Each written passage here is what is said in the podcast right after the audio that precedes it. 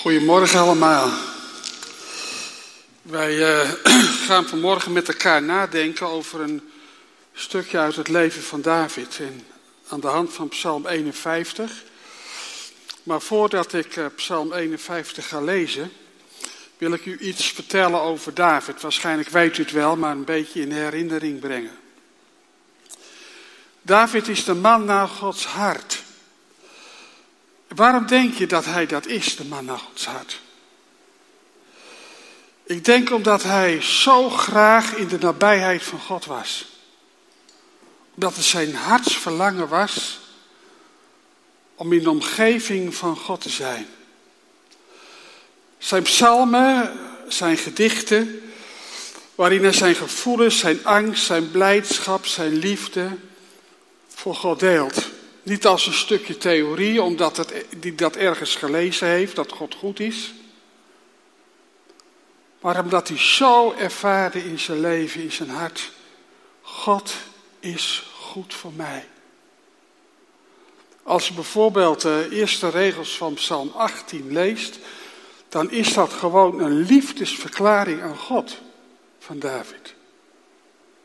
En ik vraag me af of wij wel eens zo dicht bij God zijn gekomen dat we dat tegen hem hebben gezegd. Er staat in Psalm 18 dit. Ik heb u hartelijk lief, heren, mijn sterkte. O Heer, mijn steenrots, mijn vesting, mijn bevrijder, mijn God, mijn rots bij wie ik schuil, mijn schild, hoorn van mijn heil, mijn burcht. Dat is geweldig. David leefde met zijn hart zo dicht bij God. Hij diende God niet aan de buitenkant, maar hij diende God van binnen. Hij had echt een relatie. De Heer Jezus zegt in Openbaring 1 dat hij de wortel en het geslacht van David is. Dat betekent dat in zijn leven hij had een ononderbroken relatie met zijn vader. Hij was de wortel in het geslacht van David. Bij David ging die relatie met God stuk op een gegeven eh, ogenblik. Door zonde die hij deed. En over één daarvan gaan we vanmorgen nadenken. Bij Jezus ging die relatie stuk toen hij zich één maakte met jouw zonde. Uh, we beseffen dat niet altijd. Maar doordat Jezus Christus aan het kruis zich één maakte met mijn zonde, daardoor werd hij een zondaar. Een zondaar die viel onder het oordeel van God. Hij werd tot zonde gemaakt. Hij had nooit zonde gekend, hij had het niet gedaan. En omdat God nou eenmaal geen relatie kan hebben met een zondaar, ging die relatie stuk aan het kruis voor hem.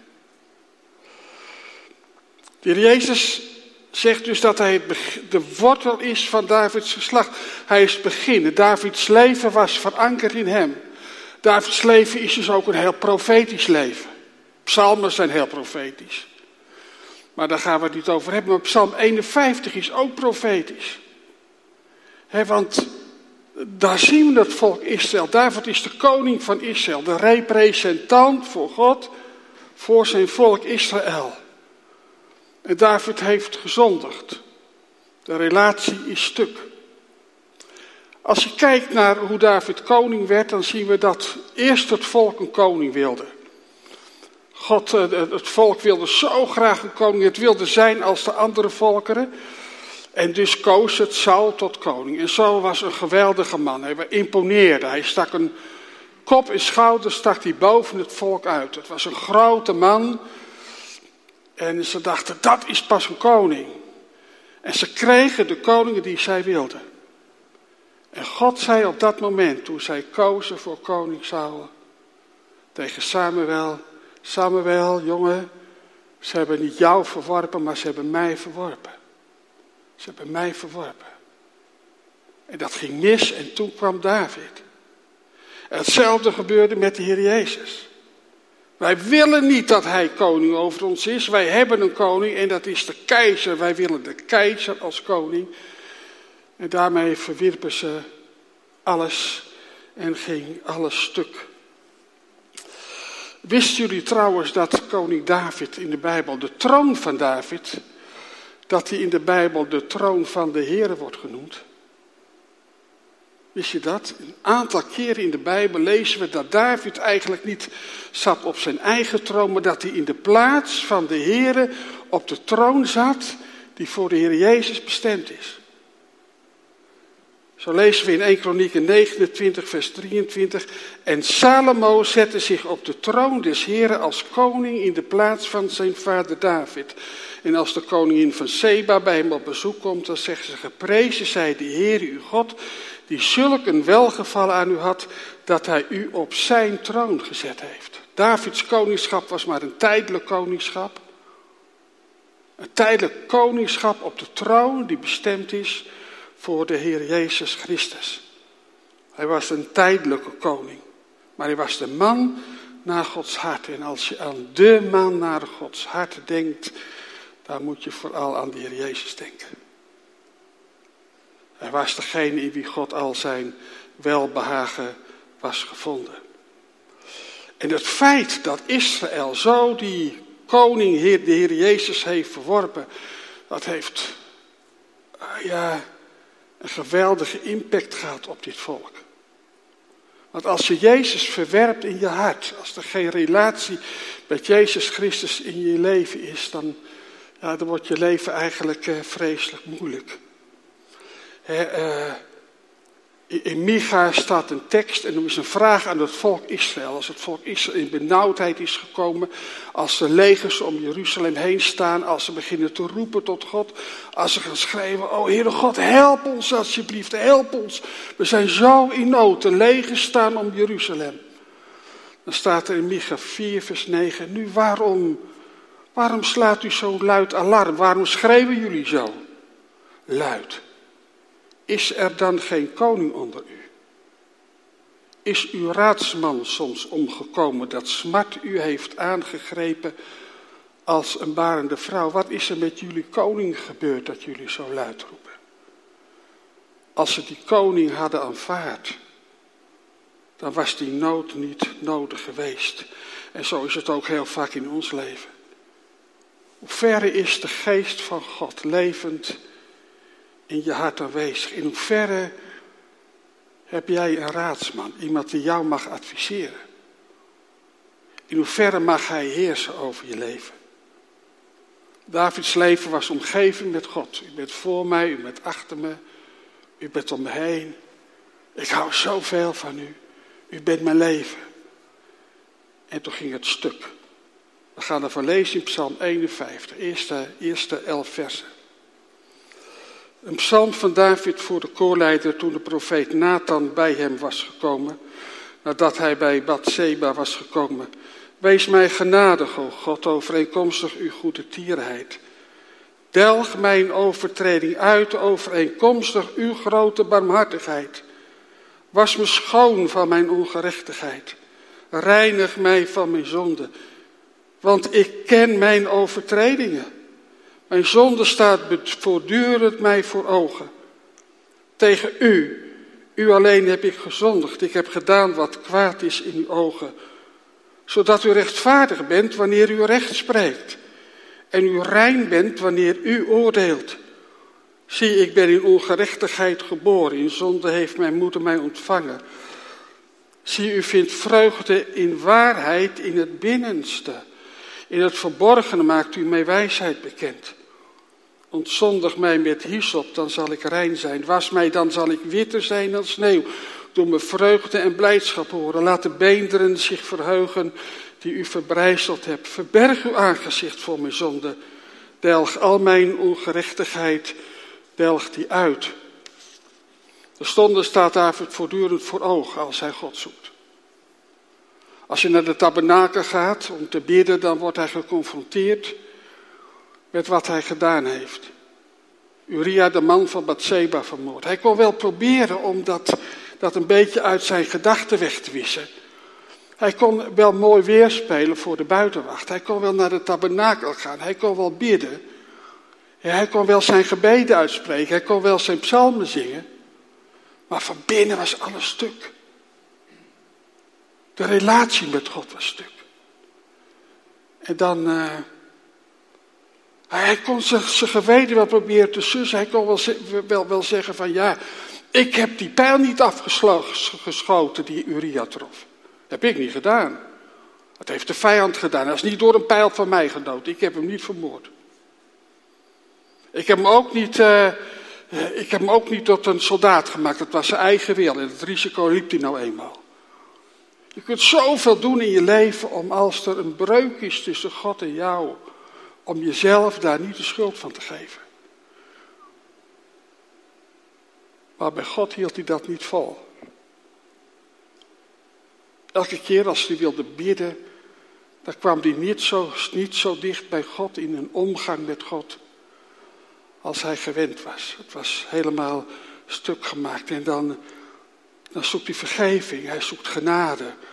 Hij doet een beroep op Gods barmhartigheid. Hij wil dat zijn ongerechtigheid wordt uitgewist. Ik heb gedaan wat kwaad was in uw ogen, zodat u rechtvaardig bent als u gaat rechtspreken. God is rechtvaardig als hij gaat rechtspreken. Maar wat denk je, wat zou er gaan gebeuren als God zou gaan rechtspreken over die zonde van David? Zou David naar de gevangenis gaan? Zou David dan gedood worden? Als God echt zou gaan rechtspreken over ons leven, wat, wat gaat er dan gebeuren? Wat denk je wat er gaat gebeuren? Weet je, als God rechtvaardig is, dan wordt David vrijgesproken. Dat is het wonder. Het wonder is dat we God hebben dat als hij rechtvaardig is, dat hij David vrijspreekt. Maar dan moet David wel eerst zijn schuld beleiden. Dan moet hij wel eerst eerlijk worden tegenover God. Dan moet hij wel oprecht in het licht van God komen. We kennen die bekende tekst uit het, eh, de brief van Johannes. Als wij zeggen dat we geen zonde hebben, dan misleiden wij onszelf en de waarheid is in ons niet. Maar als wij onze zonde beleiden, dan is Hij getrouw en rechtvaardig om de zonde te vergeven en ons te reinigen van alle ongerechtigheid. Let, let eens goed op de woorden van deze tekst. God is rechtvaardig als Hij ons de zonde vergeeft. Dat klinkt heel eigenaardig en toch is het zo. Waarom? God is rechtvaardig om ons de zonde te vergeven. Er staat niet God is liefde en dan vergeeft hij uit barmhartigheid onze schuld. Nee, God vergeeft onze schuld omdat hij rechtvaardig is. God is rechtvaardig omdat er iemand is die voor de zonde van ons gestorven is. Dat iemand al voor onze schuld gestraft is. God is rechtvaardig tegenover zijn eigen zoon. God is rechtvaardig tegenover het werk van Jezus Christus. En daarom kan God ook David zijn zonde vergeven. Maar dan moet wel de zoon die uit David geboren is sterven. David kan erom bidden, alsjeblieft laat hem niet sterven. Maar dan is de Heer Jezus dat geslacht van David. We lezen in de Bijbel over twee zonden, twee zonden van David. En de ene is de volkstelling en de andere is deze. En bij allebei die zonden krijgt David vergeving en herstel. Wat gaat ten koste van een van zijn zonen.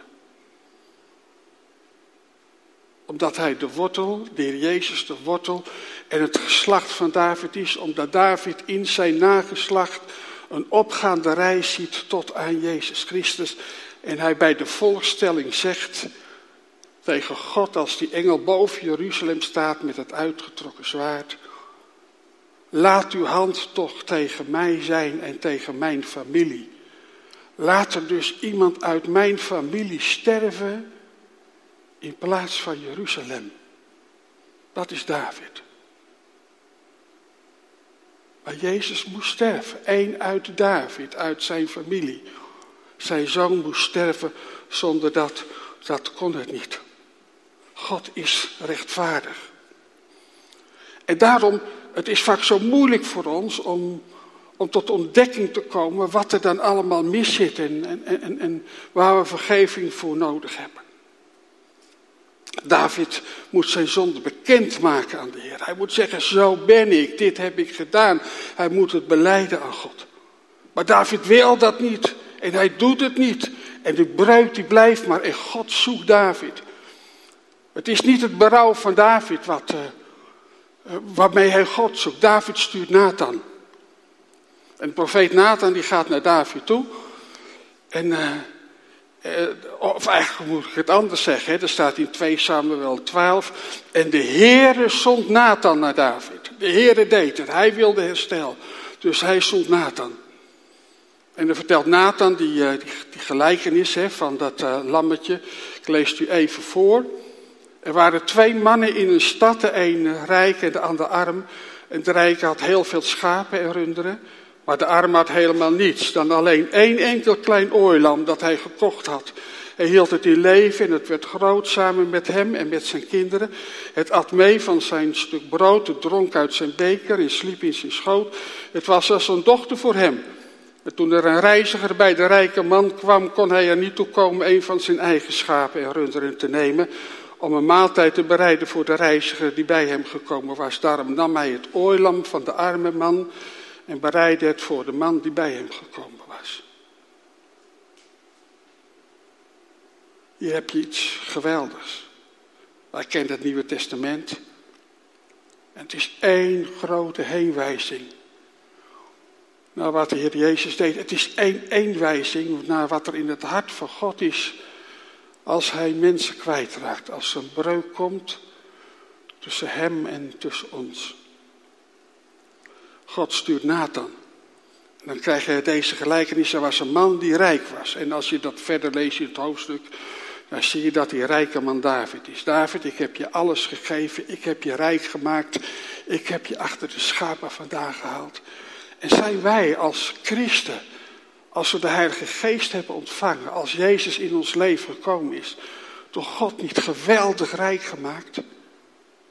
Als alles weggenomen is, als de Heer Jezus de weg naar de hemel helemaal voor ons heeft klaargemaakt. Mensen, wat zijn wij rijke mensen? We zijn door God rijk gemaakt.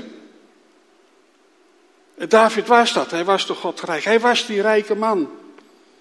Die zoveel van God ontvangen had. Maar er was ook een arme man. En die had maar één ooilam. En dat lam dat dronk uit zijn beker. En dat was in de schoot van zijn vader. En dat sliep bij zijn vader. En dat deed alles met zijn vader. Het was als een kind voor hem. Dat lam. Voel je? Dat lam. Het enige lam op aarde. Waar hij zijn welbehagen in had.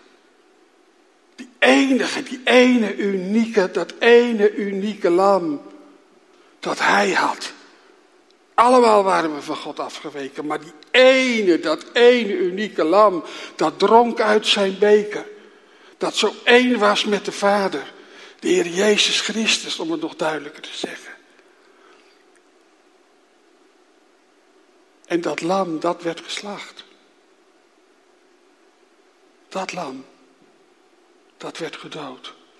Dat ene lam. David zegt, degene die dat gedaan heeft, die is dus doodschuldig. Hij tekent zijn eigen vonnis, hè, want die psalm is profetisch. Israël heeft dat ene lam van God genomen en aan een kruis gespijkerd. Dat ene lam. En, uh, en dan komt David tot de ontdekking, ik heb gezondigd. En profetisch, ik ga er verder niet op in, maar om even die lijn uit te zetten voor jullie. Profetisch betekent dat straks Israël, als ze op het moment komt dat ze zal zeggen, wij hebben gezondigd, omdat wij het lam van God hebben gedood, de Messias, ze tot inkeer komt en tot berouw en zal zeggen van, uh, ik heb gezondigd.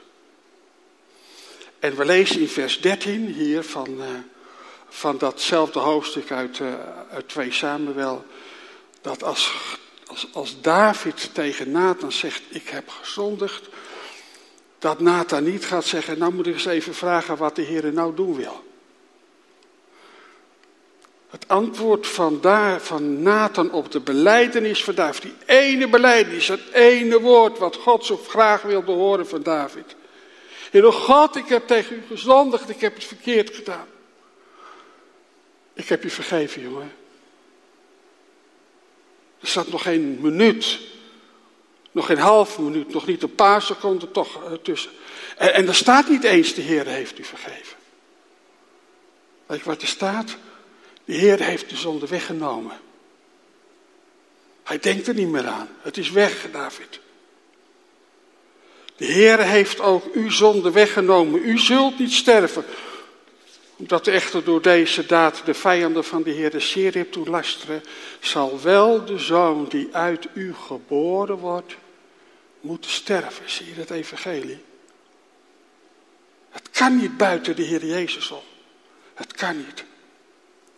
David snakte naar een volledig herstel.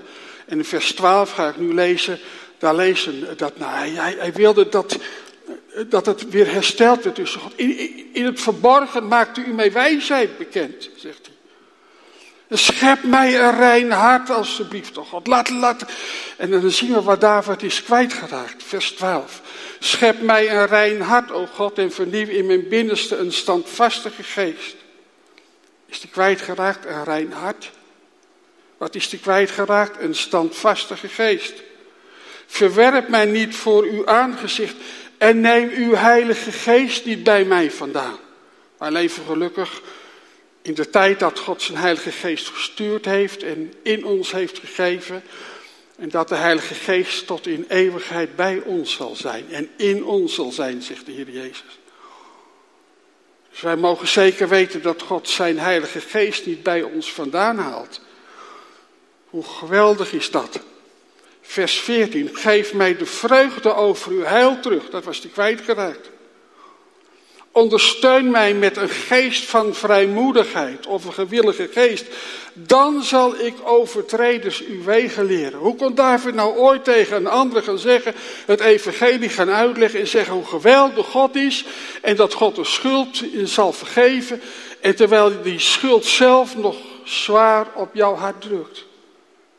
Dat kon niet, dat was niet eerlijk. Dan zegt hij vers 15, dan zal ik overtreders uw wegen leren. En zondaars zullen zich tot u bekeren, maar dan moet ik zelf wel oprecht zijn. Dan moet ik zelf eerlijk zijn. Red mij van bloedschulden, o God. God van mijn heil. Dan zal mijn tong vrolijk zingen van uw gerechtigheid. Zie wat David allemaal kwijt is. Wat je allemaal kwijt kunt raken als je met je rug naar Jezus Christus toe gaat staan. Dan ben je blijdschap kwijt. Je bent ja, de vreugde van binnen. Ik heb u lief, Heer. U bent mijn heil. U bent mijn vreugde. Ik vind u zo geweldige God. Zo geweldig. Je raakt het allemaal kwijt. Heren, open mijn lippen, dan zal mijn mond uw lof verkondigen. Want u vindt geen vreugde in offers, anders zou ik ze brengen. In brandoffers schept u geen behagen. De offers voor God zijn een gebroken geest, een verbrijzeld en een verslagen hart zult u niet verachten. Doe goed een Sion naar uw welbehagen. Bouw de muren van Jeruzalem op. Dan zult u vreugde vinden in offers van gerechtigheid, in een brandoffer en een offer dat geheel verteerd wordt. Dan zal mijn jonge stieren offeren op uw altaar. Mag, mag ik jullie eens wat vragen? Vind je het belangrijk in je leven om er voor God te zijn? Vind je het belangrijk om van Hem te getuigen? Vind het belangrijk dat God je kan gebruiken? Dat je vrijmoedig bent bij je collega's? Vind het belangrijk om te laten zien wat Jezus in jouw leven doet en gedaan heeft? Niet met je mond, maar met je hart. Ik weet van iemand toen ik werkte, die was een moslimvrouw, die werkte daar ook en die ging naar hem toe, die zegt, ben jij een christen? Want ik zie het aan je. Niet met je mond, maar, maar dat Jezus zo aanwezig is in je hart. Dat je niet meer van jezelf wil praten. En niet meer over jezelf, maar over Hem. Een standvastige geest, een geest van vrijmoedigheid of een gewillige geest en een gebroken geest. Dat was hij kwijt. Zijn denken in zijn geestelijk leven was dat stuk gegaan. Wat is dat een standvastige geest? Die God kan gebruiken. Dat is een geest zoals als Daniel had. Van Daniel wordt gezegd door koning Nebukadnezar dat de geest van de heilige goden in hem woont. Daniel wordt gezegd dat er niemand is die zo zo'n God heeft, die zo kan getuigen, die zo eerlijk is, dus zo oprecht, omdat ze zien dat God in Daniel aanwezig is. Dat is een standvastige geest. Daniel ging niet om onder druk. Hij at niet van de tafel van de koning. Daniel wilde met God leven. En God was met Daniel. Elke keer opnieuw. Dat is een standvastige geest. Hij leefde midden in een afgodische wereld. Maar hij hield er dan vast om driemaal per dag te bidden. Driemaal per dag het aangezicht van de Heer te zoeken. Driemaal per dag zich door God te laten vullen. Hij maakte verborgenheden van God bekend. Door zijn getuigenissen moest Nebuchadnezzar erkennen dat in Daniel de geest van God woonde. En zeggen, er is geen God. Moet u nagaan in een afgodische wereld.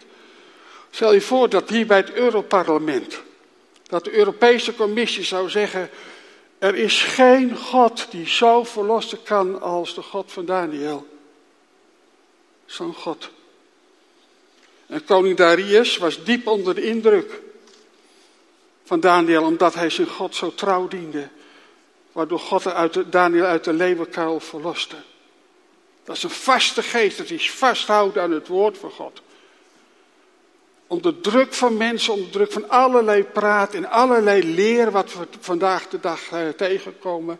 Je bijbeltje nemen en zeggen, Heer, dit zegt u, ik hou vast aan uw woord.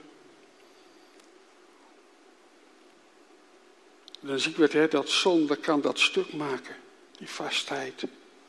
Een gewillige geest of een vrijmoedige geest, David zegt, hier geef me alsjeblieft veel vrijmoedigheid, zodat ik overtreders uw wegen kan leren. Zodat ik uit kan dragen wat uw weg is. Want hoe kan ik anderen wijzen op Gods vergeving als ik die zelf niet heb ontvangen? En dan denk ik aan Abraham. Abraham was zo iemand. Hij bereikte het beloofde land doordat hij telkens deed wat God van hem vroeg. Hij ging de weg met God. Hij ging gewillig die weg met God. Elke dag. Totdat hij kwam in het beloofde land. Hij offerde zijn eigen zoon toen God het aan hem vroeg. Abraham had het niet nodig dat God eerst aan hem zou vertellen wat er precies zou gaan gebeuren als hij Isaac zou offeren. Abraham was gewillig om Isaac te offeren en hij geloofde dat wat God vroeg in zijn leven, dat God altijd een oplossing had voor hem. Dat hij het niet met op een rijtje hoefde te hebben wat er allemaal zou gaan gebeuren. Morgen en overmorgen, als God maar bij hem was. Hij volgde gewillig de Heer. En hij, hij, hij dacht erover na. Hij dacht, God, al zou ik Isaac moeten offeren. God is bij machten om, om, om de toekomst niet te veranderen voor mij. Om zijn belofte te vervullen. God is bij machten om Isaac uit de dood op te wekken. God zal voor me zorgen een gewillige geest. Als je aan David of aan uh, Abraham moest vragen. Uh, en hij moest een keuze maken tussen God en tussen zijn eigen kind, Isaac. Je moet je eens voorstellen. Wat een keus dat is geweest voor Abraham. Hier heb ik Isaac, de beloofde zoon, de enige. Alles wijst op Jezus, hè. En moet ik hem nu offeren? Kon niet ooit dichter bij het hart van God komen. Dan dat de vader zijn eigen zoon offerde? Kon dit ooit God beter begrijpen? En laten zien dat hij God lief had. Zoals God zijn liefde voor ons heeft laten zien aan het kruis door zijn eigen zoon te offeren. Toen Abraham als het ware Isaac offerde, ging de hemel open. En God zei, Abraham, jongen, nou weet ik dat je me lief hebt.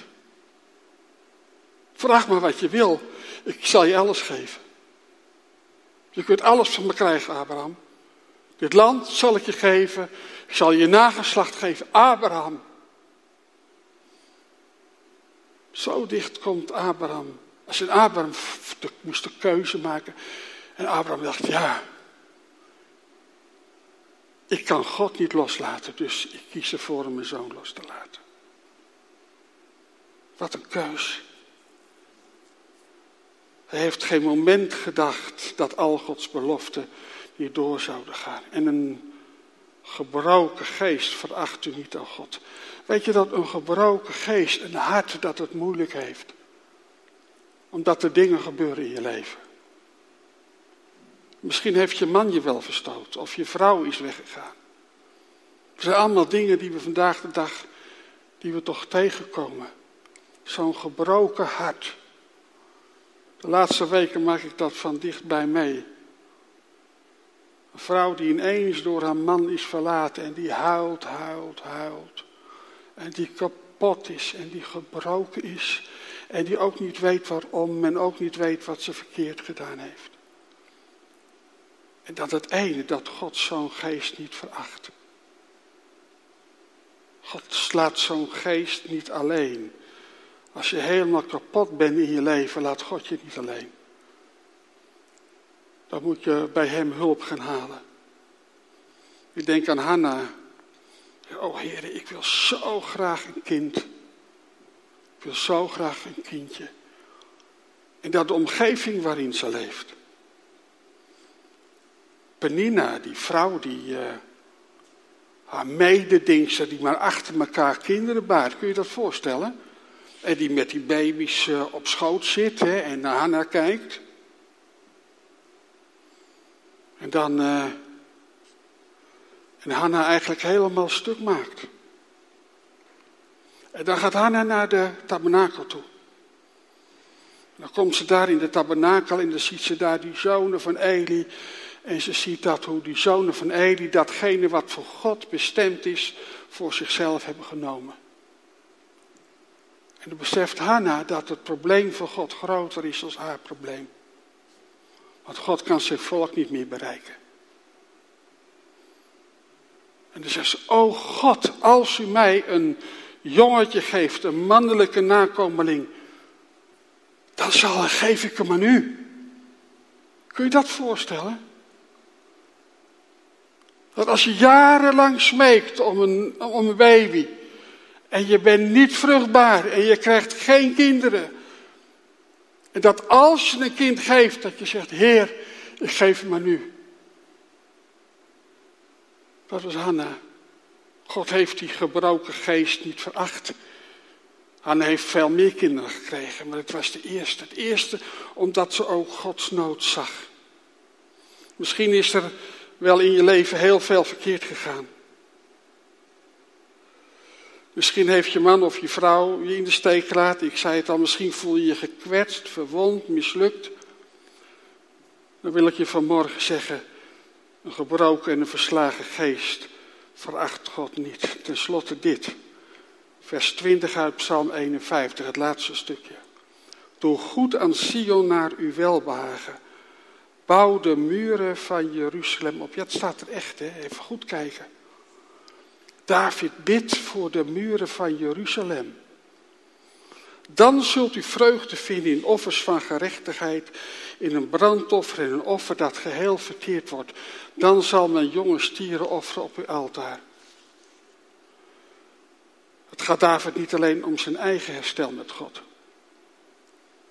Het kan ook bij ons nooit gaan alleen maar om ons eigen herstel. Want als wij geen goede verbinding met God hebben, als ons leven met de Heer een stuk is, dan kunnen we ook geen goede verbinding met elkaar hebben. Dan gaat het onderling gaat het ook stuk, dan krijg je ruzie in de gemeentes. Het gaat avond erom dat zolang hij er zonde is in zijn leven, kunnen de muren van Jeruzalem niet worden hersteld. Zolang Israël niet vergeven is, worden de muren van Jeruzalem niet hersteld. En uh, dat moeten we weten. Moeten we weten. Dat ook de Heer Jezus, als Hij uiteindelijk naar het kruis gaat, dat dat niet alleen voor ons is. Maar dat het ook voor Jeruzalem is. Jeruzalem, Jeruzalem, dat de profeten dood en stenigd wie tot u gezonden zijn. Hoe dikwijls heb ik uw kinderen willen vergaderen, gelijk een hen haar kuikens onder haar vleugels. En gij hebt niet gewild. Zie, uw huis wordt aan u overgelaten, want ik zeg u, gij zult mij van u aan niet meer zien, totdat gij zegt, gezegend hij die, die komt in de naam des Heeren, Jeruzalem, Jeruzalem. En toen ging Jezus naar het kruis toe. Doe goed aan Sion naar uw welbehagen. Bouw de muren van Jeruzalem om op. Toen hij dicht bij de stad kwam, toen zei hij, och Jeruzalem, dat je besefte wat tot jullie vrede dient. En dat gaat gebeuren. Dit gebed van David zal verhoord worden. Het gebed van de Heer Jezus. Zijn verlangen dat Jeruzalem hersteld zal worden. Dat de vrede uit Jeruzalem zal gaan. Dat de wolf bij het lam zal verkeren, zoals we vanmorgen zo mooi gezien hebben. Dat de zwaarden worden ingeleverd, dat er vrede komt over de hele wereld. Daar zie ik naar uit. Dat de hele wereld, de hele schepping, de hele natuur, alles wacht op het openbaar worden van de zonen van God. Dat het allemaal gaat gebeuren. Dat Jezus koning wordt vanuit Jeruzalem. Dat hij gaat zitten op de troon van David. En dat Israël vergeven wordt omdat ze zullen kijken naar zijn wonden, omdat ze hem zullen zien in wie zij gestoken hebben. Heere, open mijn lippen, dan zal ik uw lof verkondigen. God moet het doen en God zal het doen. Zijn geest van genade en van gebeden niet alleen meer teruggeven aan David. Waar David om bidt, oh geef me alstublieft dat die geest van genade en van gebeden en dat ik weer een vaste en een vrijmoedige geest mag hebben. Dan zal zijn geest uitgestort worden over het hele volk. Als ze, en dan zullen hun lippen geopend worden en dan zullen ze zijn lof verkondigen. En dan zullen ze zeggen dat ze de Messias zijn kwijtgeraakt. Zo wijst deze psalm ons profetisch naar de zoon van David en het volk van David, maar ook op onszelf. Zonde is het verbreken van je relatie met God. Ruim het op. Als David beleidt, ik heb gezondigd, en daar Nathan direct antwoordt, de Heer heeft je zonde vergeven, je zult niet sterven. In jouw plaats zal een andere zoon, zal je zoon sterven. Mijn zoon, jouw zoon, jij zult de pijn lijden van je zondige gedrag, ik zal die lijden. Bij God is vergeving. En bij God is genade. Maar laten we een leven leiden dat eerlijk is voor God. Vanuit ons hart. Een leven wat brandt van liefde voor de Heer Jezus. Waarin we merken dat we een relatie met Hem hebben. Laten we Hem loven en laten we Hem prijzen. Ik wil samen met u danken. Jezus, we komen tot u en we hebben deze geschiedenis van David hebben gehoord. En u moest zelf Nathan sturen naar David toe, zodat David zich ervan bewust was wat het betekende dat hij tegen u had gezondigd. En hij was alles in zijn relatie met u kwijtgeraakt. En misschien luistert er iemand, misschien kijkt er iemand Misschien zit hier iemand. Die moet zeggen, Heer, dat wat ik vroeger had. Zo die, dat u alles was in mijn leven. Dat ik jubelend en juichend om mijn huis liep. Dat ik u wel alles wilde geven, dat alles van mij, van u was. Dat zo van die eerste liefde, Heer. Waarin u zo geweldig was, zo'n grote God in mijn leven, zo, zo'n mooie God. Het eerste moment, Heer, waar, waarin ik u niet kwijt kon raken en waarin ik merkte dat, dat u mij niet kwijt wilde, dat u mij had aanvaard. Die momenten, Heer Jezus, waar, waarin uw geest zo, zo aanwezig was en uw liefde zo in ons hart, in mijn hart was uitgestort. En ik zo, zo, zo echt tegen u zei, omdat het vanuit mijn hart kwam. Omdat ik eigenlijk niet anders kon. Ik, ik heb u zo lief, Heer Jezus. Ik hou van u, ik, ik, kan niet buiten u. Heer, ik ben het kwijtgeraakt. Als ik eerlijk ben, als ik eerlijk ben, oh, ik ga wel nog steeds naar de fontein toe. En ik vind de kerkdiensten, ik vind de diensten fijn en ik vind ze heerlijk, maar, maar in mijn hart ben ik een verbitterd mens geworden. Vergeef het, Heer Jezus. Laat uw bloed eroverheen vloeien. En wilt u het reinigen. En ik, ik dank u, Heer, dat we mogen geloven, omdat u het zegt in uw woord, dat u vergeeft. Dat u rechtvaardig bent, zelfs als u de zonde van mij vergeeft. En dat het weer goed mag komen als ik het tegen u zeg. Als ik datgene wat verkeerd gegaan is aan uw beleid, dat bij u altijd herstel mogelijk is. Ik dank u, Heer Jezus, dat u de dood hebt overwonnen. Dat u die van, de kracht, van zijn kracht heeft beroofd. Dat uh, het kruis dat onze zonde heeft weggenomen en dat uw opstanding ons een nieuw leven aanbrengt. En dat we vanuit dat nieuwe leven mogen wandelen. Dank u wel, Heer Jezus. Ik hou van u. Wat heeft u ons lief? Wat heeft u ontzettend veel voor ons gedaan? U heeft het helemaal goed gemaakt. Ik wil u zo graag zien, Heer Jezus. Ik wil zo graag in uw nabijheid zijn. Ik wil zo graag bij u leven. Amen.